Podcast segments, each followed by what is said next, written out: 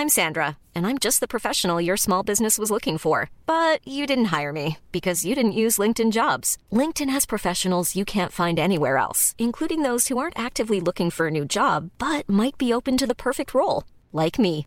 In a given month, over 70% of LinkedIn users don't visit other leading job sites. So if you're not looking on LinkedIn, you'll miss out on great candidates like Sandra. Start hiring professionals like a professional. Post your free job on linkedin.com/people today. There's never been a faster or easier way to start your weight loss journey than with PlushCare. PlushCare accepts most insurance plans and gives you online access to board-certified physicians who can prescribe FDA-approved weight loss medications like Wigovi and Zepbound for those who qualify.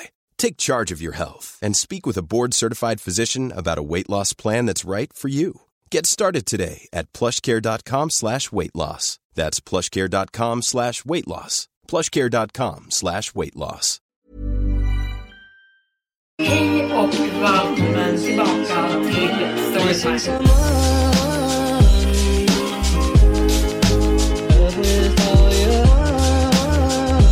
Hej och välkommen tillbaka till Storytime-podden med mig Evelin Blomfelt. Jag är nu frisk och tillbaka med mitt vanliga uppladdningsschema, så måndagar och torsdagar. Idag ska jag berätta två läskiga berättelser som handlar om farmödrar. Men de skiljer sig ändå väldigt mycket från varandra, men båda är väldigt obehagliga. Med det sagt så tycker jag att vi sätter igång med dagens avsnitt. Min farmor knackar på min dörr och jag är rädd för henne. Det var mitt i natten när jag plötsligt vaknade. Jag förstod inte vad som hade fått mig att vakna dock. Jag bodde med min pappa och min farmor i ett stort hus. En månad hade gått sedan mina föräldrar separerade och de senaste månaderna hade mina föräldrars förhållande varit som värst. Bråk utbröt hela tiden och vi alla visste att en separation var den enda vägen ut. Men trots det var tanken av att min mamma inte bodde med oss sorglig för mig. Jag kunde vakna mitt i nätterna gråtandes med massa minnen som sköljde över mig medan min pappa och min farmor gjorde sitt bästa för att försöka trösta mig och få mig att känna mig älskad och trygg ändå. Men jag saknade henne ändå. Jag saknar hur det var. När jag vaknade från min sömn tänkte jag att det var samma sak igen. Att det var min ångest och ensamhet som kom för att hemsöka mig. Men på något sätt kändes det annorlunda nu. Det var inte sorg som sköljde över mig, men snarare en obekväm tystnad över hela huset. Mitt sjätte sinne sa åt mig att någonting var fel. Så instinktivt började jag gå mot min farmors rum. Min farmor var sjuk. Hon hade blivit diagnostiserad med schizofreni för några år sedan och hennes tillstånd hade blivit värre dag för dag. Hon började bete sig konstigt och började gå i sömnen ibland. Jag kunde höra ett lågt mumlande i distansen. Någon sjöng en vaggvisa någonstans inne i huset. Jag såg ut mot båda hållen när jag klev ut ur mitt rum för att lokalisera vart ljudet kom ifrån. Precis bredvid min sovrumsdörr stod min farfars gamla klocka som visade att klockan var fem i tre på natten. Och jag hatade den här tidpunkten. Jag hade hört många historier om hemsökelser och de hände alltid runt tre på natten. Jag stod vid toppen av trappan och såg ner. Det var kolsvart i huset. Min pappa hade sovrummet mitt emot mitt och farmors rum låg bredvid hans. Jag stirrade på deras dörrar och märkte att dörren in till min farmors rum var lite öppen. Jag gick sakta fram till den och öppnade den försiktigt. Rummet var mörkt, men det sken lite månljus in och lyste upp. Det stod en gungstol precis vid kanten av vart månljuset träffade och jag såg att min farmor satt i stolen och gungade fram och tillbaka. Hon nynnade på en vaggvisa och höll i någonting i sin hand. Jag kunde också höra ett litet annat ljud, som ett pipande. Jag gick nära henne och ställde mig precis bredvid gungstolen. Då såg jag att min farmor höll i en råtta i sina händer och nynnade åt den. Jag visste att det här var en till episod av hennes sjukdom, så jag skakade lätt om henne på hennes axel. Då såg hon upp på mig och log. Sen höll hon upp råttan i sina händer och helt plötsligt började hon tugga på den. Blod stänkte överallt på hennes vita nattklänning. Jag stod i total chock och såg på. Jag hade aldrig sett henne bete sig så här förr. Och plötsligt slängde hon ifrån sig djuret och tog ett språng mot mig. Jag skrek så högt jag bara kunde, men hon fattade tag runt min hals. Pappa var i rummet bredvid, men han låg och sov och han visste inte vad som hände. Min farmor började strypa mig medan hon fortsatte att nynna på sin vaggvisa. Jag kunde känna hur mina ögon började svullna ut ur min skalle, men plötsligt när allting började svartna hörde jag ett ljud och insåg att det var min pappa som kommit in i rummet. På något sätt hade han vaknat upp från sin sömn och mirakulöst nog tagit sig in i rummet för att hjälpa mig i sista stunden. Min farmor var fortfarande gränsle över mig och min pappa fick slita bort henne. Hon höll så hårt runt min strupe att jag inte förstod hur hon kunde vara så stark. Men på något sätt lyckades min pappa separera oss. Min farmor ställde sig upp i hörnet av rummet och stirrade på min pappa med blodsprängda ögon. Helt plötsligt föll hon ihop på golvet och började krampa. Min pappa plockade snabbt upp mig från golvet. Sen gick vi fram till henne för att kolla vad som hände. Hon skakade okontrollerbart och gjorde konstiga ljud. Hennes ansikte gjorde grimaser och röck våldsamt medan hennes armar och ben flög omkring hennes kropp. Hennes kropp gjorde konstiga krackelerande ljud och helt plötsligt ställde hon sig upp alla fyra och började springa. Hon sprang mot dörren, mot de mörka trapporna och sen ut ur ytterdörren. Och min pappa ringde direkt 112. Polisen kom till vårt hus och vi anmälde henne som försvunnen. De frågade oss om vad som hade hänt, men vi ville inte gå in på detaljer. Hur skulle vi kunna det? Vi förstod inte ens själv vad hon hade gjort. Polisen letade efter henne i flera dagar, men utan lycka. De hittade henne ingenstans. Det här hände för tre dagar sedan och idag låg jag och sov i mitt sovrum och hade somnat till en Netflix show och genom min dörrspringa kunde jag se badrumsdörren. Jag vaknade upp till ett plötsligt ljud av filmen och såg mig omkring när jag märkte någonting ute i hallen. Jag kunde se ett ansikte som kikade ut från badrummet och log mot mig. Jag visste direkt vem det var. Det var farmor. Hon började nynna på samma läskiga vaggvisa igen och utan att slösa någon tid hoppade jag upp från min säng, sprang till min pappas rum och låste dörren från insidan. Min pappa vaknade direkt. Jag förklarade för honom att farmor var i huset och han ringde polisen direkt. Och just nu står min farmor och bankar på dörren till pappas sovrum och vi väntar på att polisen ska komma. Jag skriver det här inlägget för min pappas dator och hoppas att någon av er kan berätta vad som är fel med henne. Om någon vet vad som är fel Snälla berätta det för mig. Nästa berättelse. Precis innan hon dog gav min farmor mig ett konstigt halsband och hon fick mig att lova att aldrig ta av det. Jag vill inte ha sånt här religiöst skit, vill jag säga. Jag tror inte ens på Gud. Trots det lutade mig framåt så att farmor Elisabeth kunde trä det lilla korset runt min hals med sina skakande händer. Ta aldrig av det, viskade hon knappt förmögen att forma ord längre. Hennes mun öppnades och stängdes nästan som en fisk på torra land. Men jag kunde höra orden hon repeterade om och om igen. Det lä lät som X-stig, men jag förstod inte vad det betöd. Det var inte ens ett riktigt ord. Men ändå nickade jag. Och det verkade tillfredsställa henne. Hennes händer föll ner från min nacke och med ett sista djupt raspigt andetag vände hon sitt huvud mot sin trädgård utanför fönstret och några sekunder senare bevittnade jag någon dö för första gången. Jag var 15 år gammal.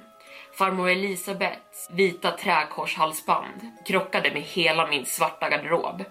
Men jag hade den på mig ändå och jag märkte att nästan hälften av alla i farmors lilla by hade liknande halsband och jag behövde göra allt jag kunde för att passa in i farmor Elisabeths by för det skulle bli mitt nya hem. Mina föräldrar hade berättat för mig att vi skulle flytta bara några timmar innan farmor hade dött. Senare fick jag veta hela storyn genom skvaller som vi gick igenom den lilla byn. Några veckor innan farmors död hade min pappa fått reda på att hans egna företag var bankrupt och han skulle gå i konkurs. Vi skulle förlora våran stora lägenhet i stan, bilen och allt annat. Och min pappa hade inte besökt farmor på över sex år och han hade inte tagit oss till hennes dödsbädd av kärlek eller omtanke. Vi hade kommit till den här byn för vi hade ingen annanstans att ta vägen. Mina nya klasskompisar verkade veta det här och ännu mer. De visste mer om mitt liv och min familj än vad jag gjorde. Jag fick veta vad som hade fått min pappa att lämna byn när han var runt min ålder. Jag fick reda på att min släkt hade varit rika landägare här. Men de hade förlorat allting över en natt när farmor var liten. Och jag förstod varför farmor låtit pappa fly från den här byn. För hon ville inte att han skulle stanna här. Och desto mer jag fick veta om min familjehistoria, desto mer falskt och tomt kändes mitt liv. Och på något sätt kändes det enda äkta i mitt liv nu som det lilla träkorset runt min hals. Jag upptäckte snart att livet i farmors lilla by inte var alls som jag mindes från min barndom. När jag var liten hade jag tyckt att det var mycket Hey, I'm Ryan Reynolds. Recently, I asked Mint Mobile's legal team if big wireless companies are allowed to raise prices due to inflation. They said yes. And then when I asked if raising prices technically violates those onerous two-year contracts, they said, "What the f*** are you talking about? You insane Hollywood ass." So to recap, we're cutting the price of Mint Unlimited from $30 a month to just $15 a month. Give it a try at mintmobile.com slash switch. $45 upfront for three months plus taxes and fees. Promo rate for new customers for limited time. Unlimited more than 40 gigabytes per month. Slows. Full terms at mintmobile.com. There's never been a faster or easier way to start your weight loss journey than with PlushCare. PlushCare accepts most insurance plans and gives you online access to board-certified physicians who can prescribe FDA-approved weight loss medications like Wigovi and Zepbound for those who qualify. Take charge of your health and speak with a board-certified physician about a weight loss plan that's right for you. Get started today at plushcare.com slash weight loss. That's plushcare.com slash weight loss. plushcare.com slash weight loss. Millions of people have lost weight with personalized plans from Noom, like Evan, who can't stand salads and still lost 50 pounds. Salads, generally, for most people, are the easy button, right?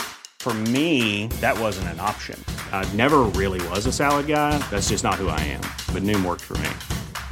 Get your personalized plan today at Noom.com.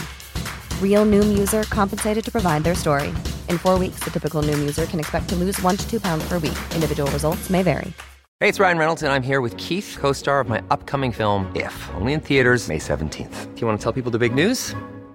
All right, I'll do it. Sign up now and you'll get unlimited for $15 a month in six months of Paramount Plus Essential Plan on us. Mintmobile.com slash switch. Upfront payment of $45 equivalent to $15 per month. Unlimited over 40 gigabytes per month. Face lower speeds. Videos at 480p. Active Mint customers by 531.24 get six months of Paramount Plus Essential Plan. Auto renews after six months. Offer ends May 31st, 2024. Separate Paramount Plus registration required. Terms and conditions apply if rated PG.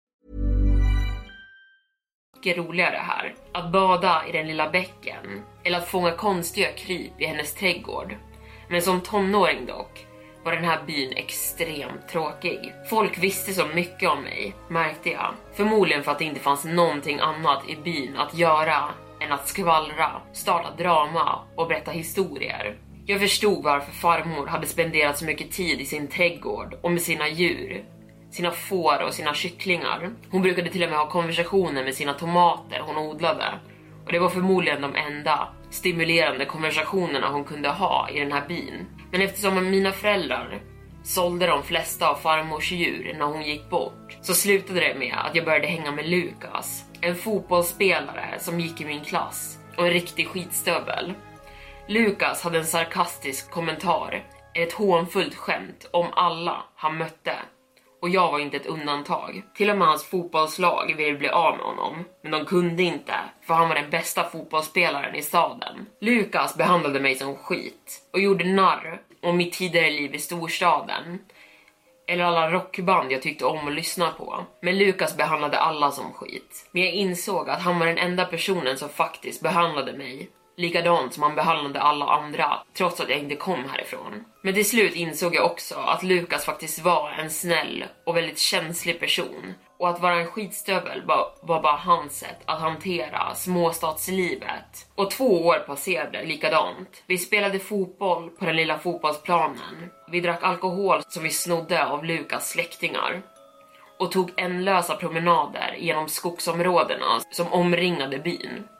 Men det fanns en stig däremot som vi aldrig tog. Den såg likadan ut som de andra stigarna. Det var bara en smal stig som ledde upp för en liten bäck och sen mot några klippor. Men Lukas vägrade sätta sin fot på den. Vi går inte åt det hållet, så Lukas kort när jag frågade. Det är tradition, skrattade jag. Att respektera tradition hade aldrig stoppat Lukas från att göra någonting annat, som att pissa på kyrkans väggar och helt plötsligt var han vidskeplig över en stig. Men mitt blod blev iskallt när han berättade vad stigen hette. De kallar den för häxstigen, X-stig, min farmors döende sista ord. Enligt Lukas vägrade någon i staden sätta sin fot där och inte ens vildhundar ville gå åt det hållet. Så varför såg stigen inte ett dugg igenväxt ut? Vi var 16 år den sommaren och jag och Lukas hade inte mycket tid kvar att lösa mysteriet. Snart skulle jag börja plugga på högskola och Lukas skulle börja jobba i sitt familjeföretag en stad bort. Det var inte vad han ville, men han hade inte bra betyg nog för att plugga vidare. Våra promenader blev mer som terapisessioner och jag försökte prata min vän ur en depression och förhindra honom att bli alkoholist. Och just när Lukas var, på, var vid sin lägsta punkt sa han någonting som förvånade mig. Vi var på en av våra vanliga nattpromenader. Vi hade en flaska sprit som nästan var tom och vi gick förbi den välkända häxstigen när han helt plötsligt sa Vet du vad? Skitsamma. Vi kollar vart den leder och jag vill inte säga nej, men ändå. Ryktena jag hade hört om stigen var obehagliga, minst sagt. Det sägs att en sekt hade bott uppe i skogen och gjort massa konstiga ritualer och offer. Och alla människor som hade gått upp för stigen hade blivit jättesjuka kort därefter. Men en av historierna berättade om att det fanns en kvinna som bodde vid slutet av stigen. Hon hade varit där mycket längre än alla andra i byn och hon skulle nog vara det långt efter om alla var borta. Det sades att hon var en häxa och att ingen som gick ner för stigen någonsin kom tillbaka likadan. Du måste inte följa med, påminde Lukas mig. Du borde faktiskt inte göra det. Stigen hade ett silversken i månljuset och när jag satt min fot på den kände jag en stark känsla av att vända om. Nattluften var kall och vi började gå längs de blöta stenarna vid bäcken. Oftast hörde vi alltid massor av ljud i skogen från syrsor och djur. Men när vi gick på stigen var det knäpptyst. Lukas sa inte ett ord. Han verkade bara bestämd och fortsatt marschera framåt. Det kändes som att vi gick i evigheter. Men när vi kom upp för den lilla kullen stod vi plötsligt på en klippa med en fantastisk utsikt över den lilla byn och skogen. Jag hade ingen aning om att det såg ut så här här uppe, viskade Lukas. Det är otroligt. Jag antar att häxan tycker om en bra utsikt, skämtade jag. Jag var bara glad över att Lukas kunde se det fina i någonting. Det borde slutat där. Vi borde ha sett den fina utsikten och gått tillbaka. Men det gjorde vi inte. För vi såg att på andra sidan klippan fanns en skogsdunge och framför den såg det ut att finnas en liten stuga och en vacker trädgård. Och ryktena verkade stämma. Någon bodde här uppe. Och vem den var så tror jag inte att de tyckte om inkräktare. Jag öppnade min mun för att viska till Lukas att vi borde vända om. Men han hade redan börjat gå. Ner för klippan, mot stugan. Och jag började följa efter honom. Och det var då vi såg henne. En extremt vacker kvinna badade i en bäck nära stugan. I månljuset kunde vi se att hon var naken. Och jag fick direkt en dålig magkänsla när jag såg på henne. Som att någonting var farligt. Jag tog tag i Lukas och försökte dra tillbaka honom. Men han fortsatt framåt som en envis åsna. Helt plötsligt vände sig kvinnan om och stirrade på oss. Vi båda stannade upp. Och då sa hon Tänker ni bara stå där och stirra hela natten? Eller vill ni komma och hälsa? Ingen av oss svarade, vi var för chockade. Så hon fortsatt. Det är sent, men jag får inte mycket besökare här. Vill ni inte komma in och dricka lite te? Kvinnan log och tog upp en handduk som hon virade runt sig. Jag hade förväntat mig en gammal hagga. Skrämmande. Inte en vacker kvinna som verkade charmig och inbjudande. Hon var bara några år äldre än mig och Lukas. Så vi gick mot hennes stuga hälsade på henne och klev in. Hon förklarade för oss att allting bara var rykten och att människor i byn var trångsinta och tyckte inte om att hon bodde för sig själv här ute. Och Lukas och jag kunde sympatisera med det. Vi visste hur trångsynta människorna var. Om ni har tagit er ända upp hit så betyder det att ni är annorlunda från de andra. Kvinnan tände några ljus i sin stuga. Ni förstår, poängen av att leva är att göra vad ni vill, inte vad ni blir tillsagda. Lukas nickade och kvinnan gav oss en varsin kopp te. Men samtidigt började min farmors kors runt min hals att klia. Jag ville slita av med det. Jag tog en sipp av teet och helt plötsligt var det dagsljus ute. Jag kände mig groggy och såg över mot Lukas som inte rörde på sig.